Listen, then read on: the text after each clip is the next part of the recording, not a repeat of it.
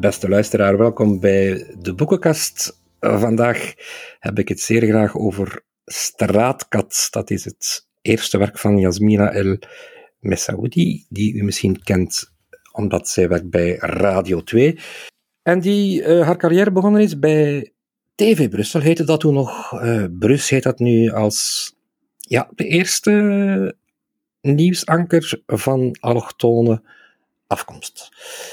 Maar daarover gaat het boek niet. Het is geen boek over uh, de, de succesvolle carrière van, van Jasmina. Het, het is een boek over iets helemaal anders. En ja, Straatkat heet het boek, is een bijzondere titel. Misschien is mijn eerste vraag, Jasmina, waarom heb je je boek Straatkat genoemd? Wel, uh, Lucas, daar zijn eigenlijk verschillende redenen voor. Misschien in de eerste plaats omdat mijn moeder mij altijd straatkat noemde omdat ik als eh, klein kindje heel vaak buiten zat te spelen, uh, voetballen in de speeltuin, met de buurkindjes op stap. Ik zat altijd buiten, te krabben aan de achterdeur om naar buiten te kunnen. Daarnaast zijn straatkatten ook ja, van gemengde afkomst. Dat ben ik zelf ook. Mijn moeder was Vlaams, mijn vader is Berber van Marokko. En een straatkat is ook een dier dat rondzwerft. En dat heb ik de afgelopen jaren toch ook wel gedaan. Ja, je hebt zelf net veel verteld. Het gaat over jezelf uiteraard uh, als kind van gemengde afkomst met een Vlaamse moeder en een Marokkaanse vader. Je bent niet opgegroeid in de grootstad, je bent opgegroeid in Kappelen op den Bos, een, zullen we het noemen, een klein stadje in, uh, in Vlaams-Brabant. Uh, maar het boek heeft ook een zeer pijnlijke aanleiding. Het is ook een boek over verdriet. Het is het boek over het wegvallen van jouw moeder. Want jouw moeder is dus gestorven drie jaar geleden nu al. Ja, dat klopt. Uh, drie jaar geleden inderdaad is zij overleden aan uh, pancreaskanker. Dus uh, zij heeft de diagnose een jaar ervoor gekregen, heeft dus nog een jaar geleefd. En dat is helaas een, eh, een doodsvonnis als je dat krijgt, omdat het vaak te laat wordt gezien. En dat was bij haar ook het geval. Dus uh, de wereld stond toen wel even stil toen we dat uh, nieuws vernamen. Dat ze één kanker had, maar dat ze ook binnen het jaar zou sterven. Dus dat was wel uh, de hemel die op mijn hoofd viel. Je had een heel sterke band met je moeder. Je zegt op een bepaald moment dat de navelstreng uh, niet is doorgesneden. Ik had het gevoel dat je dat boek nodig had, het schrijven van dat boek nodig had, om die navelstreng met zoveel vertraging door te knippen. Ja, dat klopt. Uh, mijn moeder en ik waren uh, heel close. We hadden een heel intense band. Niet in de zin dat we elkaar elke dag belden, maar um, ja, ze was toch wel mijn klankbord, mijn grote steun, mijn rots in de branding. En ja, zij heeft mij altijd wel getoond wat uh, onvoorwaardelijke liefde was. En ik denk daarom dat die navelstreng nooit echt doorgeknipt is uh, toen ik geboren werd, maar dat dat pas gebeurd is uh, toen ze gestorven is.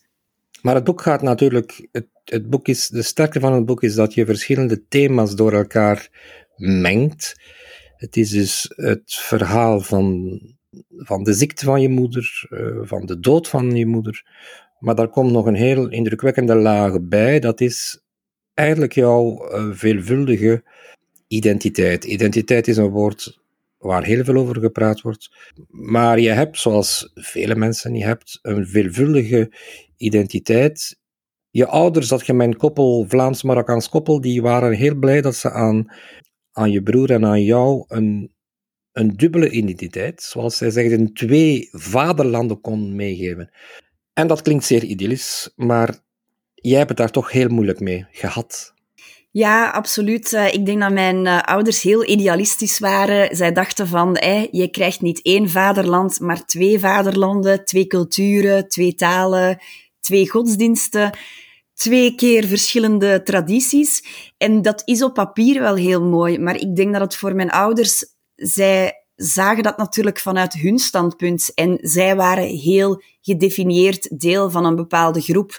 Mijn vader van de Marokkaanse migranten en mijn moeder van de Vlaamse cultuur. Alhoewel zij niet super Vlaams was. Maar ik denk dat het wel comfortabel is als je sowieso kan terugvallen op een groep waar je vanzelfsprekend bij hoort. Maar dat was voor mij en mijn broer niet zo. Binnen het gezin wel. Daar was het heel normaal dat we alles dubbel hadden, zeg maar. Maar eens we buiten kwamen, um, vond de buitenwereld dat heel moeilijk. De maatschappij, die kon ons niet in een, in een hoekje steken. Zeker omdat er ook nog niet zoveel gemengde huwelijken waren. En al helemaal niet in een dorp als Kapellen op den Bos. Daar waren we de enige. Mensen begrepen niet goed wat wij waren. Zijn we nu Marokkaans? Zijn we nu Vlaams? Um, hetzelfde in Molenbeek. Als ik bij mijn familie op bezoek ging, daar was ik La Belge. En in Capelle op den Bos was ik die Marokkaan van Oksdonk, het gehucht waar ik woonde. Dus het was een heel, heel verwarrende tijd. Um, ik weet zeker dat mijn ouders dat nooit zo hebben gewild, maar dat was wel de realiteit. Ja, het is, uh, je schrijft er ook zeer genuanceerd over. over je beschrijft enerzijds een, een gelukkige jeugd. Je vertelt het net bij de uitleg over de titel. Je was een straatkat, dus je ging voortdurend de straat op. Je ging spelen zo laat, zo lang en zo laat mogelijk. Dus je was uh, een kind zoals Vlaamse kinderen in een Vlaams dorp, maar tegelijk heb je toch ook, en ik vind het sterk ook van het boek dat je daar niet um, dramatisch over schrijft, maar je hebt wel te maken gekregen met evidente vormen van racisme, zoals het waarschijnlijk in vele Vlaamse dorpen was, als je de eerste buitenlander was met een iets andere huidskleur. Dan, je hebt dus daar toch wel mee te maken gehad als kind. Ja, absoluut. Dat was uh, zeker uh, ja, een deel van mijn jeugd ook. Um, ja, kinderen je wilt als kind eigenlijk verdwijnen in de massa. Je wilt niet opvallen. Dat kan om verschillende redenen zijn. Omdat je ros bent, omdat je te dik bent, omdat je sproeten hebt. Maar ook omdat je Marokkaans bent. Uh, dat was bij, bij eens ruzie hadden of zo op school, dan was dat wel mijn zwakke plek. En dan, uh, ja, dan werd ik daar wel voor uitgemaakt. Of uh, een jongen waar ik het mee aanvroeg, uh, die wilde eerst wel zeker weten of ik wel een Belg was. Um, later ook uh, ben ik op een vakantiejob niet kunnen blijven werken, omdat ik Marokkaanse afkomst, van Marokkaanse afkomst ben. Dus dat was zeker een deel van mijn leven, dat racisme. Dat um, ja, was natuurlijk niet elke dag of zo, maar het was wel een deel ervan, zeker en vast. Ja, en dan op een bepaald moment, als je al wat ouder bent, dan, dan denk je, ik ga naar Marokko. Je gaat met je vriend op vakantie naar Marokko en je hebt Marokko een beetje geïdealiseerd. Je bent er nog nooit geweest, uh, want je vader ging er niet meer heen. Uh, jij komt daar en je hoopt echt van in het beloofde land te zijn. Ja. En dat valt tegen. Ja, dat was uh, echt een, uh, een hele grote desillusie. Ik denk omdat de buitenwereld mij zo vaak zei van eh, die Marokkaan of je bent Marokkaans of je bent niet Vlaams genoeg, want je bent donker en je hebt een exotische naam en je hebt ook een Marokkaanse vader, dacht ik van oké, misschien moet ik die Marokkaanse kant opzoeken en ga ik daar thuiskomen. Maar uiteraard was ik in Marokko ook maar gewoon een toerist. Ik spreek geen Arabisch, geen Berbers, Frans met een, met een Nederlands accent. Dus voor de mensen daar was ik uiteraard een toerist. En ik zeg uiteraard omdat dat achteraf gezien ook gewoon heel naïef was. Uh, mensen dachten dat ik daar Italiaans of Portugees of zo was.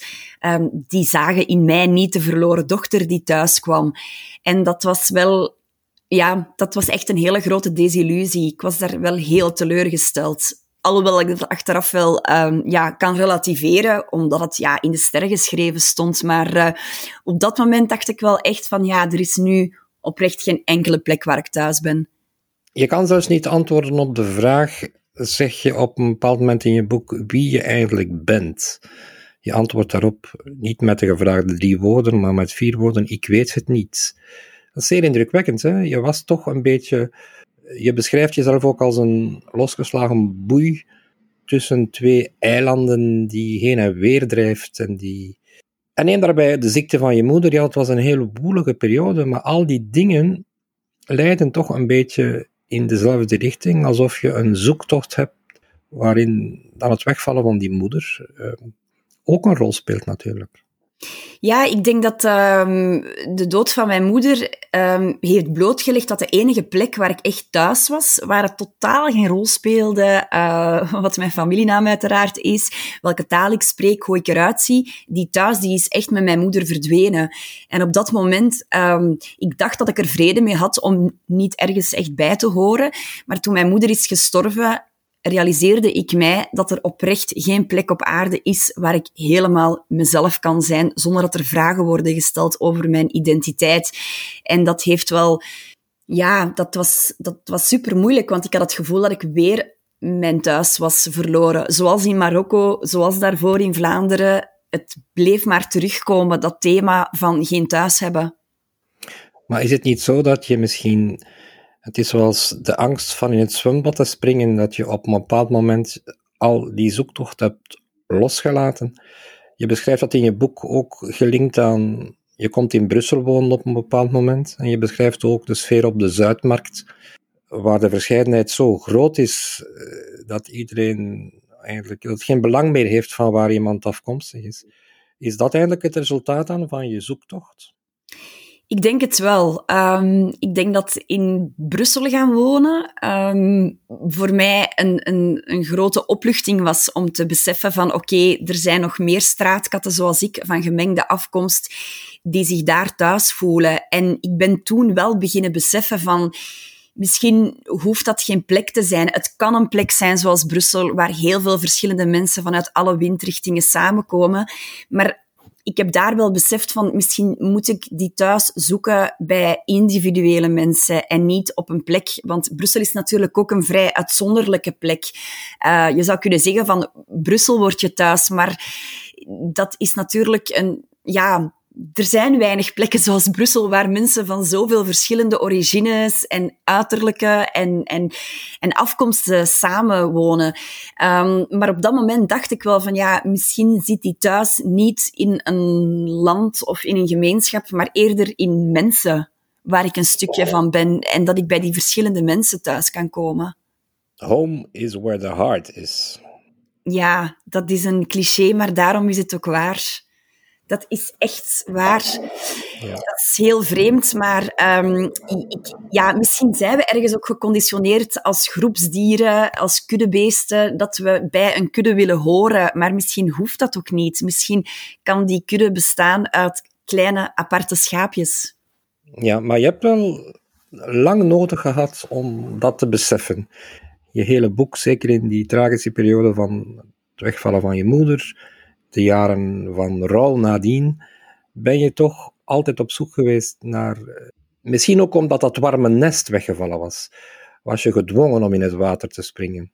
Ja, dat is zeker waar. Um, ik heb ook nooit beseft dat um, mijn moeder zo hard een thuis symboliseerde. Toen zij stierf, dacht ik van oké, ja, mijn moeder is overleden en dat is dat is super tragisch, maar ik ging er altijd een beetje van uit dat die thuis wel ging blijven bestaan met mijn vader en mijn broer. Maar dat is natuurlijk niet meer hetzelfde. Het is een beetje zoals een stoel waar je één poot van afzaagt. Die kan misschien nog wel min of meer blijven staan, maar die is niet meer zo stabiel. Dat is niet meer hetzelfde. En ik heb ik ben eerst tot het besef moeten komen van, ja, waarom voel ik mij zo onthecht? Waarom voel ik mij zo ontwricht? En dan heb ik moeten aanvaarden van, oké, omdat die laatste thuis is verdwenen. En ik denk dat je dat eerst moet beseffen en aanvaarden, vooraleer je weer verder kan gaan met die zoektocht. Je beschrijft ook uh, iets wat je heel hard getroffen heeft. Het dochtertje van je broer, uh, die dus per definitie nog een meer gelaagde identiteit heeft als jou. Zij is nog meer vermengd. En jij voelt dat zij daar absoluut geen probleem meer mee heeft. Nee, zij is daar zelfs ongelooflijk fier op dat ze een uh, kwart Okaantje is, zoals wij dat noemen. Ze is een kwart uh, Marokkaans en uh, ja, zij draagt ook de, de naam El Messaoudi en zij is daar waanzinnig trots op. En ik denk dat dat komt omdat zij nu in een veel gemengder milieu zit dan ik zoveel jaren geleden. Um, in haar klas zitten kinderen van alle windstreken. Dus iedereen is... Iedereen heeft een verschillende afkomst en de autochtone kinderen die zijn niks anders gewend dan dat uh, hun leeftijdsgenootjes uh, moeders en vaders hebben van over heel de wereld. Dus voor hen is het echt een evidentie dat, um, dat kinderen van gemengde afkomst zijn. Terwijl mijn referentiekader was heel wit als kind. Zeker in de basisschool waren mijn broer en ik de enige. In de middelbare school waren er nog twee zusjes. Maar verder waren alle kinderen wit. Dus maar dat, is wel een situatie die ongeveer overal voorbij is. Hè? Ja. Ik denk aan, aan mijn geboortestad Aalst, waar ik uh, als kind 50 jaar geleden, uh, die omgeving was blank, blank, blank, met enige uitzonderingen voor iemand die Spaanse achtergrond had of Italiaans. Dat bestond wel, maar dat was echt de uitzondering. Als ik nu in Aalst ben, zie ik, uh, ik zie een kleuterklas op stap, dan zie ik dat dat toch wel heel erg anders is nu. Ja. Dus eigenlijk is, is, heb jij een heel positieve boodschap nu. Jij, ja. jij, het is geen klaagzang over, over, uh, over racisme. Het lijkt, er wel over, het lijkt er wel op dat je zegt dat het de goede kant op, op gaat op dat vlak. Ja, absoluut. En um, ik wou ook absoluut niet dat dit een klaagzang zou worden, want um, het, het is ook gewoon supermooi hoe dat mijn ouders 50 jaar geleden in geen evidente omstandigheden hebben besloten om voor elkaar te kiezen. Mijn vader is voor de kerk getrouwd. Uh, mijn moeder is met een Marokkaan naar huis gekomen. Ik bedoel, in de jaren zeventig was dat ondenkbaar. En zelfs vandaag is het soms nog moeilijk. Dus het is prachtig, dat gemengde huwelijk. Maar ik wilde daar wel nuances in brengen. Ik wilde het niet zo idealistisch voorstellen als mijn ouders het voor ogen hadden. Maar inderdaad, ik denk dat mijn broer en ik en de weinige kinderen toen in een soort van overgangsfase zaten, waarin het heel moeilijk was en waar ik ook begrip voor heb voor andere kinderen die dat vreemd vonden. Um, maar het was wel de realiteit dat dat een overgangsfase was en dat die moeilijk was voor ons. Maar als ik nu inderdaad ook kijk naar de kleuterklasjes uh, die zoveel gemengder zijn, die beginnen wel meer en meer ja, de hele maatschappij te vertegenwoordigen. En dat is mooi. Ja, Belgen zijn niet meer wat ze 60 jaar geleden zijn geweest. Hè. Het zijn nu ook straatkatten. Ja, maar het is juist, de sterkte ook van je boek is dat het geen, het is geen klaagzang. Het is ook niet geïdealiseerd. Uh, je praat over het racisme waarmee je als kind te maken gehad heeft, waarmee jouw broer misschien nog meer te maken gehad heeft. Um, maar tegelijkertijd heeft dat je absoluut niet geremd. Dus je gebruikt dat niet om een excuus te zoeken voor mislukkingen. Integendeel, er zijn weinig mislukkingen in jouw leven. Je hebt uh, toch een hele leuke carrière en daarin heeft je afkomst in feite geen rol meer gespeeld. Nee, um, ik vermoed dat de sector waarin ik werk uh, daar misschien ook uh, mee te maken heeft. Uh, in die zin, ik denk dat de media um, wel een stuk opener zijn. of toch de media waar ik mee te maken heb gehad. Maar bon, als je dan naar die vakantiejob keek, waar ik in een winkel stond en waar ze zeiden van oké, okay, je kan hier voor één maar maand... Maar dat was, dat was in Capellen op den Bos? Nee, dat was, nee, nee, nee, dat was, dat was in Mechelen. In Mechelen toch nog, ja. En hoe lang is dat, hoe lang is dat geleden?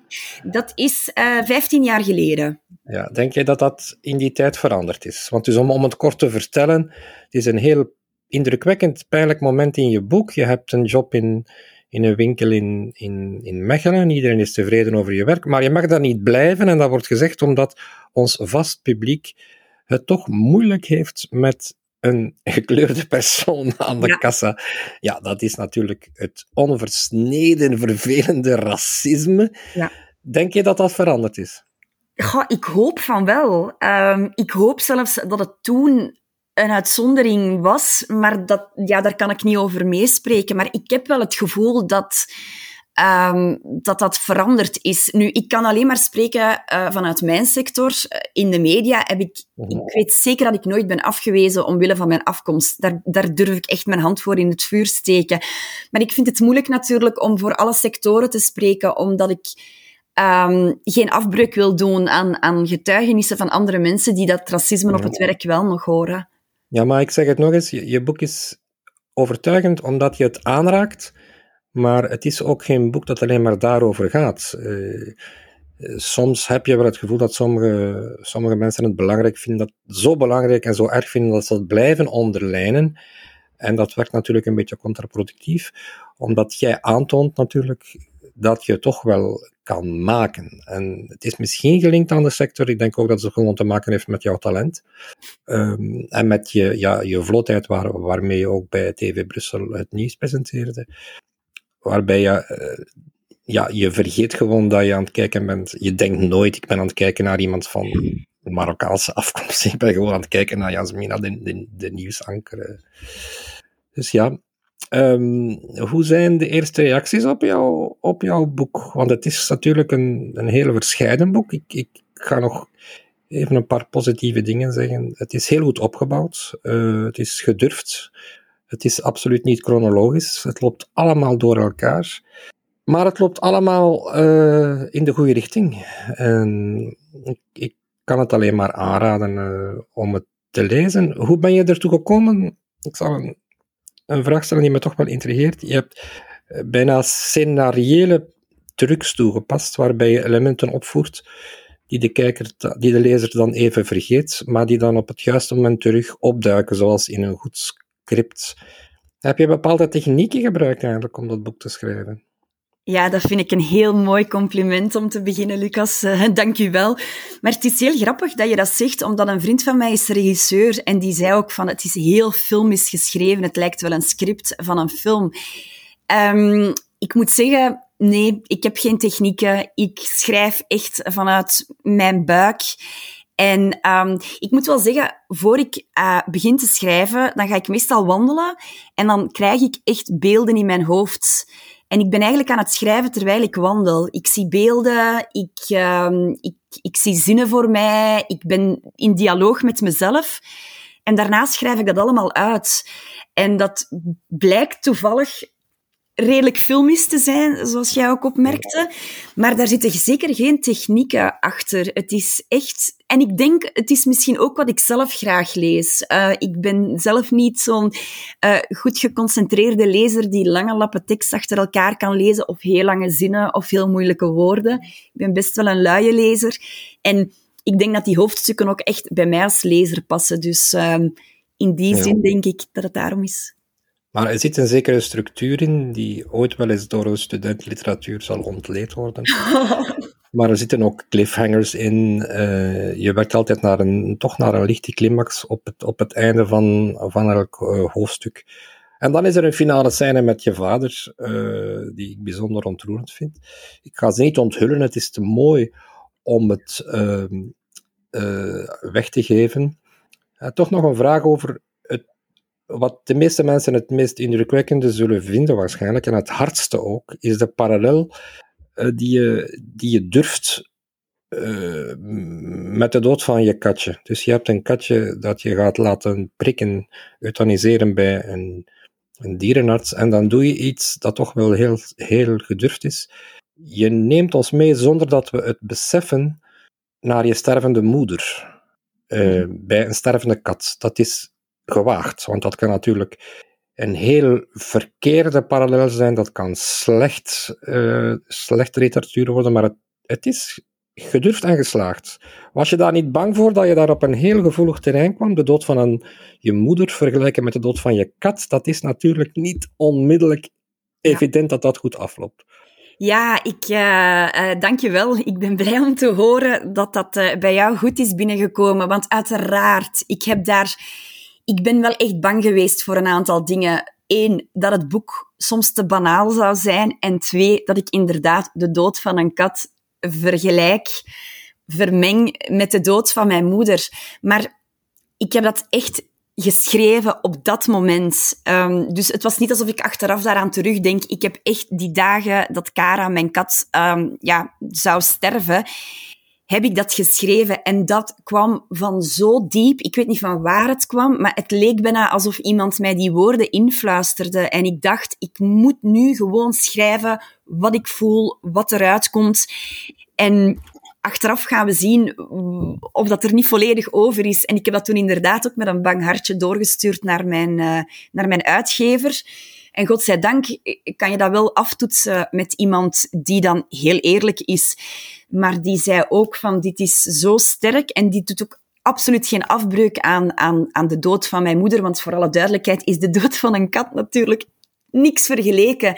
Maar het heeft op dat moment zoveel emoties naar boven gebracht die ondergesneeuwd waren in vluchtgedrag, in, in, in alles om dat maar te onderdrukken. En op het moment dat ik dan Kara naar de dierenarts moest brengen om te laten inslapen, dat was misschien de eerste keer dat al die emoties van mijn moeder haar dood, hoe ik naast haar lag als ze stierf, naar boven kwamen. Dus ik dacht, ik ga dit gewoon zo authentiek mogelijk opschrijven. Er was ook geen andere manier. En als de uitgever zegt van ja, dit is erover, dan schrappen we het gewoon. Maar het boek is gewoon echt wel van heel diep vanuit mijn hart geschreven dat ik daar ook geen rem op wou zetten. Dat is een groot geluk voor ons, voor de lezer, want je hebt een heel goed boek geschreven dat ik alleen maar kan aanraden aan iedereen die eens een heel eerlijk boek wil lezen over wat het is te leven met een multiculturele achtergrond en wat het is om iemand die zo belangrijk is geweest voor jou te verliezen. Straatkats, beste lezers van Yasmina El Masaoudi. Ik kan u het boek alleen maar aanraden. Ik zeg dank u, Yasmina, voor het boek. En voor dit gesprek. gesprek. Dag. ja, dag.